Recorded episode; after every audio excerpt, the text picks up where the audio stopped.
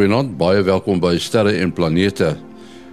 Ons ontvang nogal dikwels vrae oor ons kenwysie en miskien moet ek net verduidelik hoe die kenwysie saamgestel is. Ek het uh, klanke wat sterre maak en wat op die aarde opgevang is, het ek geneem en toe dit saamgevoeg met sogenaamde produksiemusiek. Ek dink dit is nogal gepaste klanke vir hierdie program. In vanaand se program het ons vir Kobus Olkers en vir Willie Koorts. Daar is ook natuurlik ruimte nuus wat geskryf word deur Herman Torin in Bloemfontein. Die onlangse ontdekking van moontlike lewe in die wolke van Venus het die kwessie van lewe in die buitenste ruimte in die kolle geblaas. En toe daar kort daarna boonop aangekondig is dat soutmere onder die ys van Mars gevind is, waarin ook moontlik lewe kan voorkom, was daar groot opgewondenheid. Nou is vasgestel dat daar 'n element op die komeet 67P Churyumov-Gerasimenko gevind is wat as die vermiste skakel in die ruimte beskou kan word wat nodig is vir lewe om te vorm. Die studie is danksy die laboratoriumgeriewe aan boord van die Rosetta-tuig gemaak.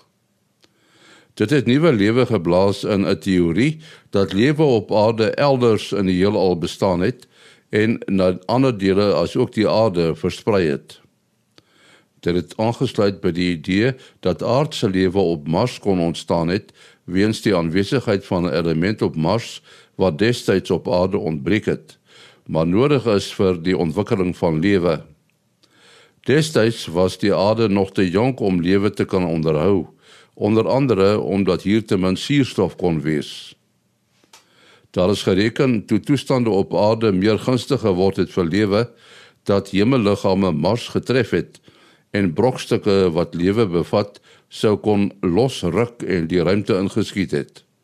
Hierdie stukke het weer op aarde beland.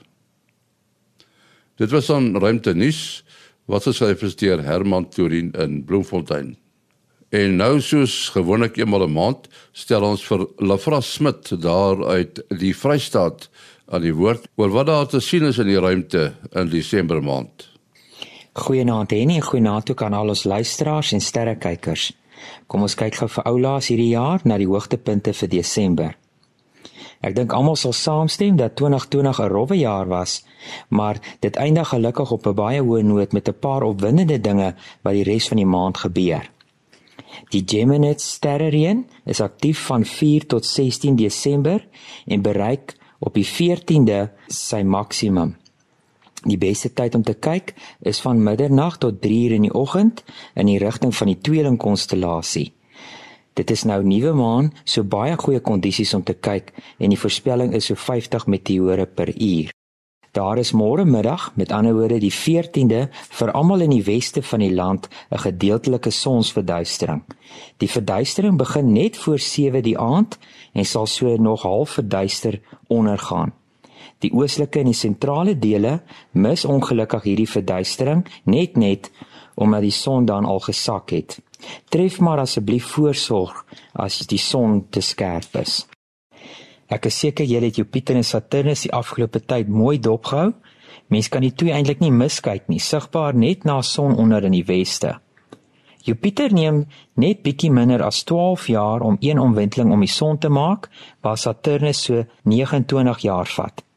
Dit beteken Jupiter met omtrent elke 20 jaar Saturnus in die binnebaan verbyvat en op 21 Desember is dit juis wat gaan gebeur. Hierdie gebeurtenis noem ons 'n konjunksie.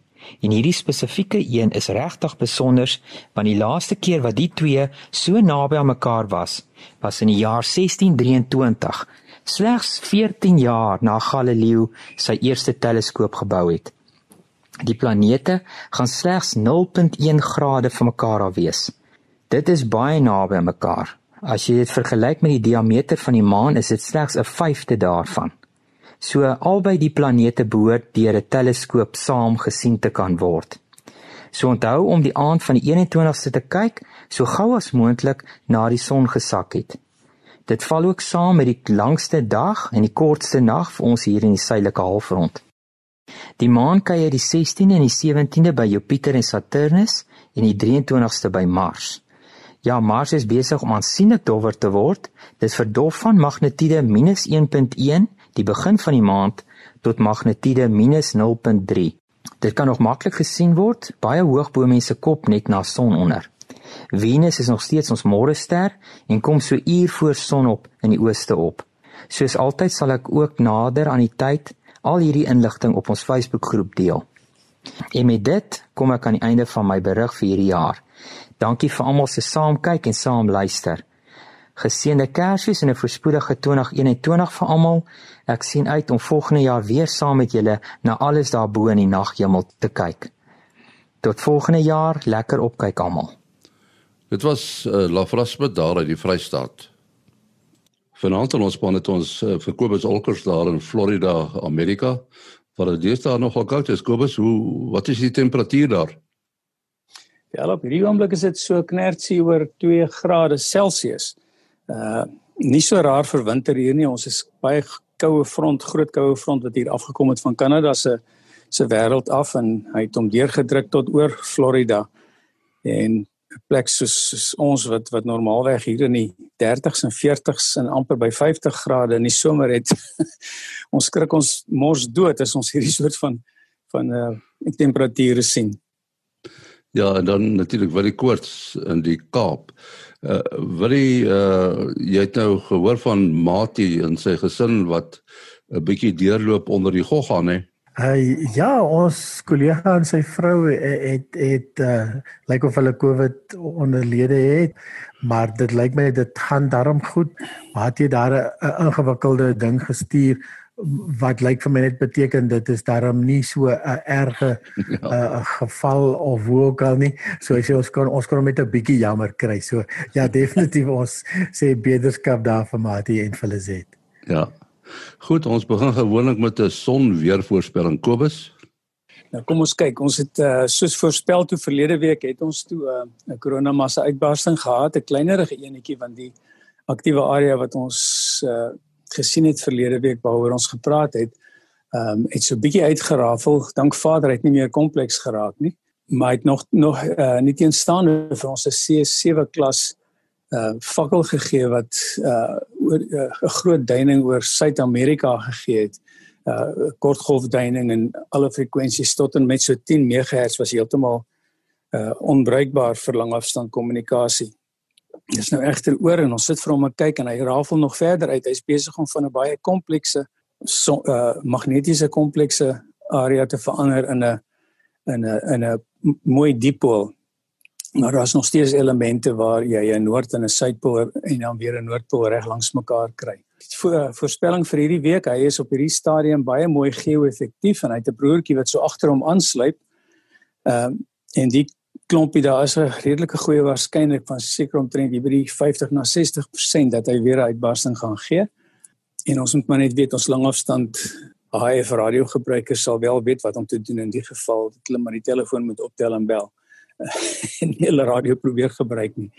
En dan is daar 'n korona gaatjie of 2 3 in die noordelike halfrond van die son wat redelik uh, klein is. Uh, hulle is ook noordwaarts gerig of in dieselfde rigting as die aarde se se magneet uh magneties magneetveld en hulle sal ons dalk tussen 'n bietjie help om te buffer as daar weer 'n korona massa uitbarsting kom.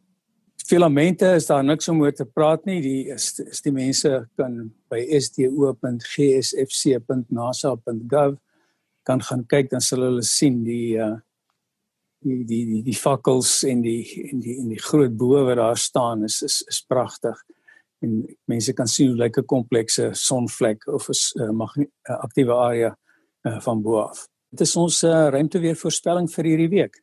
Ja, ek kan miskien net gou noem my vriend Johan Leroux wat ook al 'n keer wat op die program was vir radio amateur sê dis net ongelooflik hoe die bande oop seker van die bande oopmaak nou van die sonvlekke begin te begin te toeneem en hulle kan sommer ver en wyd gesels met hulle radio so hulle is definitief bly oor die aktiwiteit wat hier aan die gang is.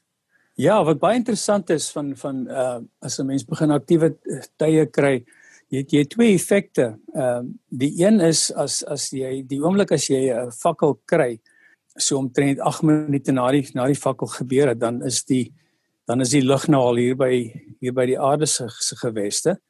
uh 'n lig trek teen teen uh die spoed van lig hiernatoe. En dit neem 8 minute om by die aarde aan te kom. En hierdie ekstrale en en baie intense ruimtestraling wat die son veroorsaak, tref dan die ionosfeer van die aarde en en hy ioniseer hom baie sterker. Dan word hy amper soos 'n spieël uh vir radiogolwe en jy kan dan baie hoë frekwensies partykeer tot so hoog as 50 MHz kan jy kan jy uh, van die, van Suid-Afrika af tot en sê maar Europa gesels. Daar was 'n tyd wat ons gereeld gekyk het na Spaanse televisie toe hulle nog hier by die 45 MHz televisie uitgesaai het uh, gedurende son maxima.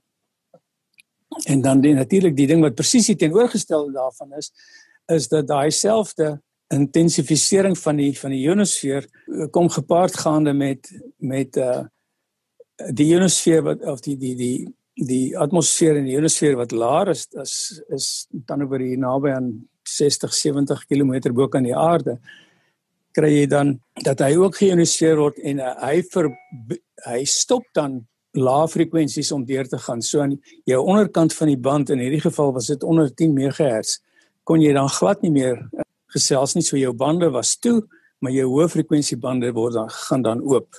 Nou ja ek hoop dit dit verduidelik hoe dit werk. Nou twee sake wat nogal hoog in die nuusberigte was is uh die Arecibo radioteleskoop wat toe op die ou end in ingestort het. Jy sal onthou dat ons uh, in 'n vroeë program gepraat het dat hulle hom eintlik gaan afbreek want uh, hy het nou die einde van sy lewensyd bereik. En die ander een wil hy uh, wat almal sekerlik na uitsien is die uh, sogenaamde nou moet jy net mooi verduidelik dis nie 'n okkultasie tussen Jupiter en en Saturnus nie nê 'n okkultasie is natuurlik wanneer die een reg voor die ander in beweeg en en in die geval is dit 'n konjunksie. Uh so 'n konjunksie is net 'n fancy woord vir 'n samekoms van uh van hemelliggame en in die geval is daar nou net twee uh, planete betrokke soos jy sê Jupiter en Saturnus. So uh, mense kan nou al begin te uitkyk dit gebeur eintlik die 21ste Desember, die aand van die 21ste Desember is die twee 'n 10de graad uitmekaar uit. Nou ja, dit is eintlik baie baie naby daar is nou verskillende uh uh um inligting wat hierso ronddryf. Ek is presies nie seker uh die die uh, die een sê iets soos 800 jaar gelede wat dit gebeur het en dan um die ander een is weer nader aan die 400 soos wat Mati uh so program of 3 gelede ook uh, verduidelik het hierso amper in Galileo se tyd. Maar hoe dit ook al sê die met die met die vorige een was die planete baie baie na aan die horison. Hierdie keer gaan dit darm vir ons 'n bietjie beter wees. So mense kan nou al begin kyk as dit saans donker word, kyk jy na die weste en en baie mense het seker al gesien van Jupiter en Saturnus wat so eentjie uitmekaar uit sit. So die tweeetjies gaan nou binne die volgende week en 'n half al hoe nader en nader aan mekaar beweeg en soos ek sê uiteindelik 'n tiende van 'n graad uit mekaar uit wat beteken dat jy dit in dieselfde teleskoopveld sal kan sien. Jy sal dit natuurlik nou al klaar in dieselfde verkykerveld sien. So dit is nogal iets unieks wat wat hier hier in ons tyd gebeur.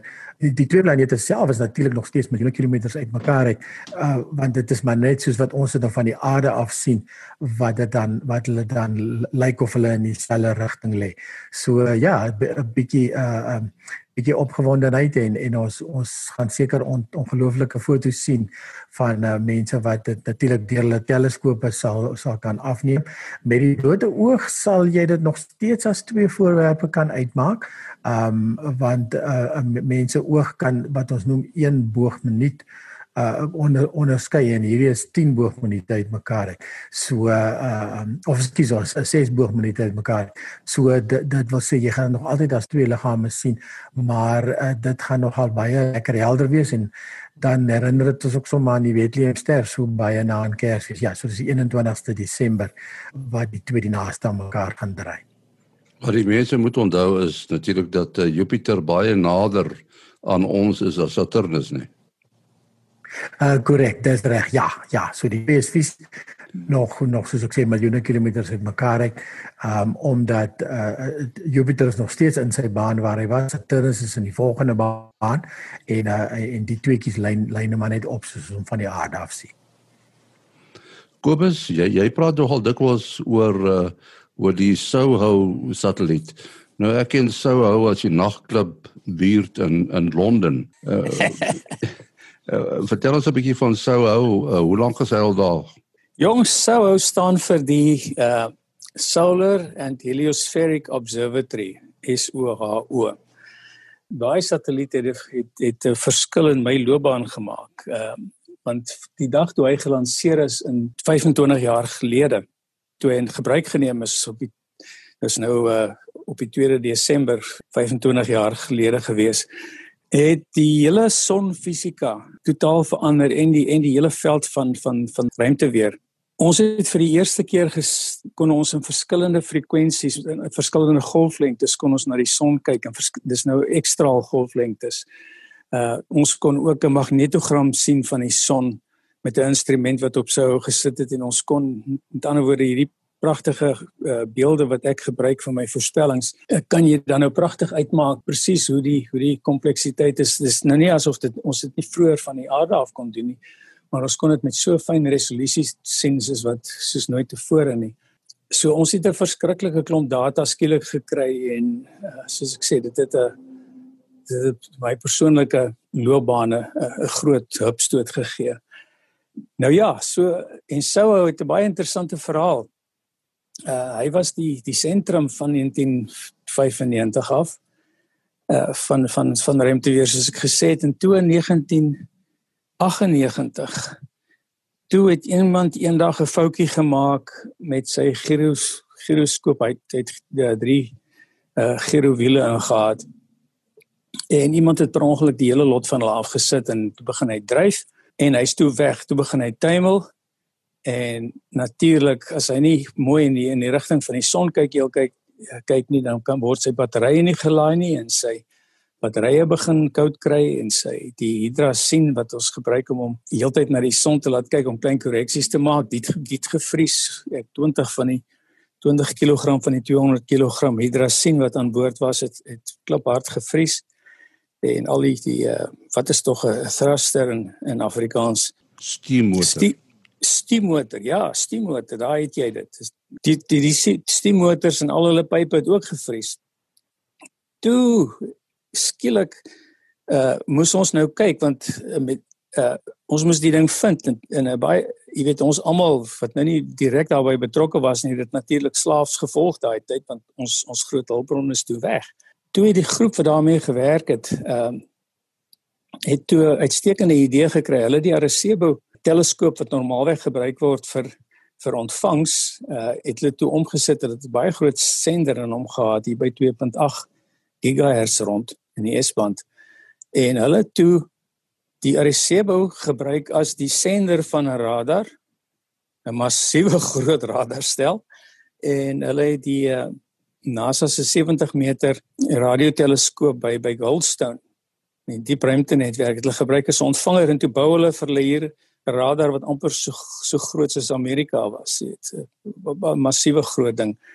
En hulle het hom toe uiteindelik gevind en kon vasstel met die radar hoe hy besig is om te uh, om te draai en en toe natuurlik na omtrent uh seker 5 maande se korreksies wat hulle want hulle, omdat die ding nou draai kon hulle net elke keer as sy antennes na die kant toe wys kon hulle vir hom instruksies deurgee uh, het hulle toe die eerste die uh, een battery gelaai gekry en toe hulle die hydrazine warm gemaak en dit het 5 maande geneem en toe weer in uh, November 1998 toe ons ons satelliet terug sonder 'n enkele faling. Net nog 'n interessante dingetjie oor oor Soho is ook dat hy was die eerste satelliet wat hulle toe nou 'n stelsel gemaak het om met sy sy sy drie giroskope het al drie geval uiteindelik wat nou sonder giroskope homself stabiliseer en dit werk pragtig mooi. Kobus het nou gepraat uh, eh, wel van Arecibo. Ek het daar aan die begin gesê ons het so 'n paar programme gelede gepraat oor hierdie reuse radioteleskoop wat toe nou ineengestort het. dis iets wat mense verwag het nie. Ja, dis jy's korrek. Ja, so so net om vinnig te herhaal, so so oor 'n maand maand en 'n half gelede het het een uh van die kabels, maar dis 'n hele uh, troskabels daarop wat die ontvanger van 900 ton bokant die uh skottel die skottel is in 'n in 'n kom kom ingebou 300 meter skottel en die skottel kyk maar basies reguit op en dan kan jy die ontvanger gedeelte rond beweeg om bietjie jou veld wyer te maak en dit klink die aarde se draaiing voorsien dan vir jou die ander gedeelte van die as en en uh het het een van die kabels losgekom of eintlik gebreek en ons het laas keer gesê die die die kabel word eintlik uitgerafel en dan met 'n tin uh gesmelte metaal uh, uh gedeelte word so hele prop gevorm en die in die met, met materiaal het net het net begin meegee en die kabel het net uitgeruk. Twee drie programme gelede het ons toe nog gepraat van 'n tweede kabel wat gebreek het en as ek dit reg verstaan was dit van hierdie selfde um troskabels aan die een kant. Uh ek, ek sien hulle praat van toring 4. Goed as ek is snaakse nommer. Daar's drie groot hooftorings altesaam waar die kabels dan in die grond vasgemaak het kom bo die toring en dan hang die hang die 100 ton ontvanger gedeelte in die middel. En uh toe daar 'n tweede kabel op dieselfde kant gebreek, toe was daar nou 'n heeltemal 'n omkeer want want skielik is dit nog meer onveilig en uh uh lyk my met die eerste kabel se breek het hulle 'n nuwe kabel bestel in die hoop om hom te kan regmaak. As hulle nog net uitwerk hoe om die kabel te koppel daar waar niemand kan nou hulle lewe waag daar bo op op hierdie ontvanger om die goed daar te gaan koppel nie. Maar hoe dit ook al sê uh toe die tweede kabel nou breek, toe raak die situasie nou bietjie nog meer gevaarlik. En dit loop die oor oorblywende kabels dra nou 'n geweldige las. En en daar was wel noem dit nou maar mense wat wat verwag het dat dat dat dit dat gaan gebeur en hulle het toe 'n 'n 'n webkamera opgestel en hulle het ook uh, in daar sekere areas waar niemand toegelaat was nie vir ingeval die uh, die res van die kabels breek en en die die stelsel neerstort en uh, daar is daar nou uh, vreeslike interessante uh, footage op die internet wat toe nou gewys het hoe die um, hoe die laaste kabels gebreek het. So twee van die kabels is nou nog aan mekaar, die die, die derde een het gebreek en natuurlik dan swai die hele stelsel om en en dan het eintlik in twee gebreek met die met die afkomslag toe nou natuurlik die skottel redelik beskadig. Ehm um, en die interessante gedeelte ook is daar hulle was besig om die kabels te inspekteer met 'n hommeltuig toe dit gebeur het. Uh so daar's 'n persoon met die naam van Scott Manley wat ek volg op op YouTube wat 'n vreeslike oulike analise uh, amper amper rampie vir rampie analise gegee het van die heel, hele stelsel hoe dit hoe die kabel uiteindelik so terwyl hulle met die web, met die uh, omdat hy na die kabel gekyk het, het het die het die ka, die laaste kabel meegegee wat natuurlik 'n hele kettingreaksie veroorsaak het. So al die ander kabels wat oorgebly het, het eenvoudig kon nie kon nie die vrag vat nie en het net afgeruk. En dan uiteindelik draai die hommeltuig na die die skottel net soos wat die die skottel dan dan land en al drie die torings se boonste gedeeltes het afgeruk. So dis bet, bet, beton en is natuurlik 'n hele 'n baie sterk struktuur, maar wat gebeur is jy het nou die kabels wat aan die grond vas is wat nou baie ver en baie styf gespan is om om nou om nou die gewig in die middel te hanteer en skielik is die gewig in die middel weg. So hierdie hierdie torings word dan nou agtertoe geruk en hulle boonste gedeeltes het, onmiddellik afgebreek. So ja, de, uh, baie tragies en um is gesê daar is 'n Chinese skottel van 500 meter wat wat wel groter is, maar um een van die goed wat Arecibo gedoen het en dis presies wat Kobus nou van gepraat het, is is radar.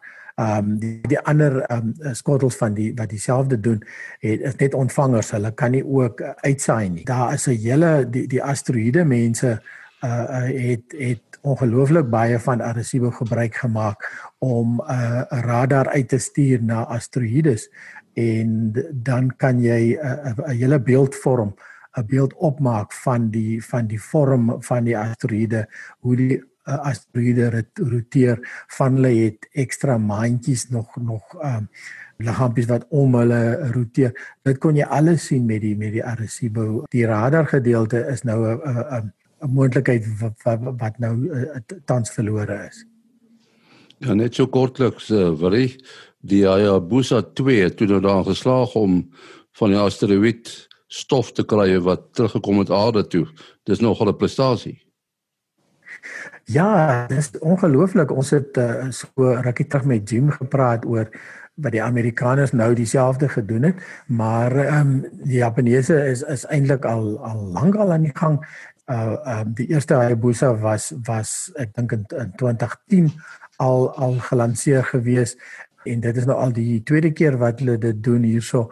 Ehm um, 2014 was gelanseer ehm um, het toe nou uh, om die ehm uh, uh, asteroïde gaan wentel ook ook soos wat hulle nou gemaak het met die Amerikaanse een uh, probeer 'n landing 'n uh, landingsplek kyk.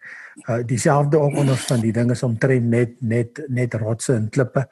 Uh maar toe uiteindelik die lander afgestuur die uh, die monsters geneem. En toe nog vir jaar en 'n half om die asteroïde gewentel uh uh in baie waarnemings gedoen en so aan en dan toe nou uiteindelik te teruggekom aarde toe en dan en dan oor Suid-Australië is die kapsuletjie laat los en uh, uh dit het nog al 'n mooi verskietende ster gevorm daarso interessante foto's wat 'n mens kan sien van die hoe die uh hoe die hoe die uh, uh die houertjie teruggekom het aarde toe iets weeg iets soos 20 kg um, toe nou uh, later um valskerms uitgesit en uh en dan het hy nou 'n 'n radio sein wat uh, wat sê waar is dit en uh, dit is in 'n in 'n groot lugmag uh, oefenterrein daarso.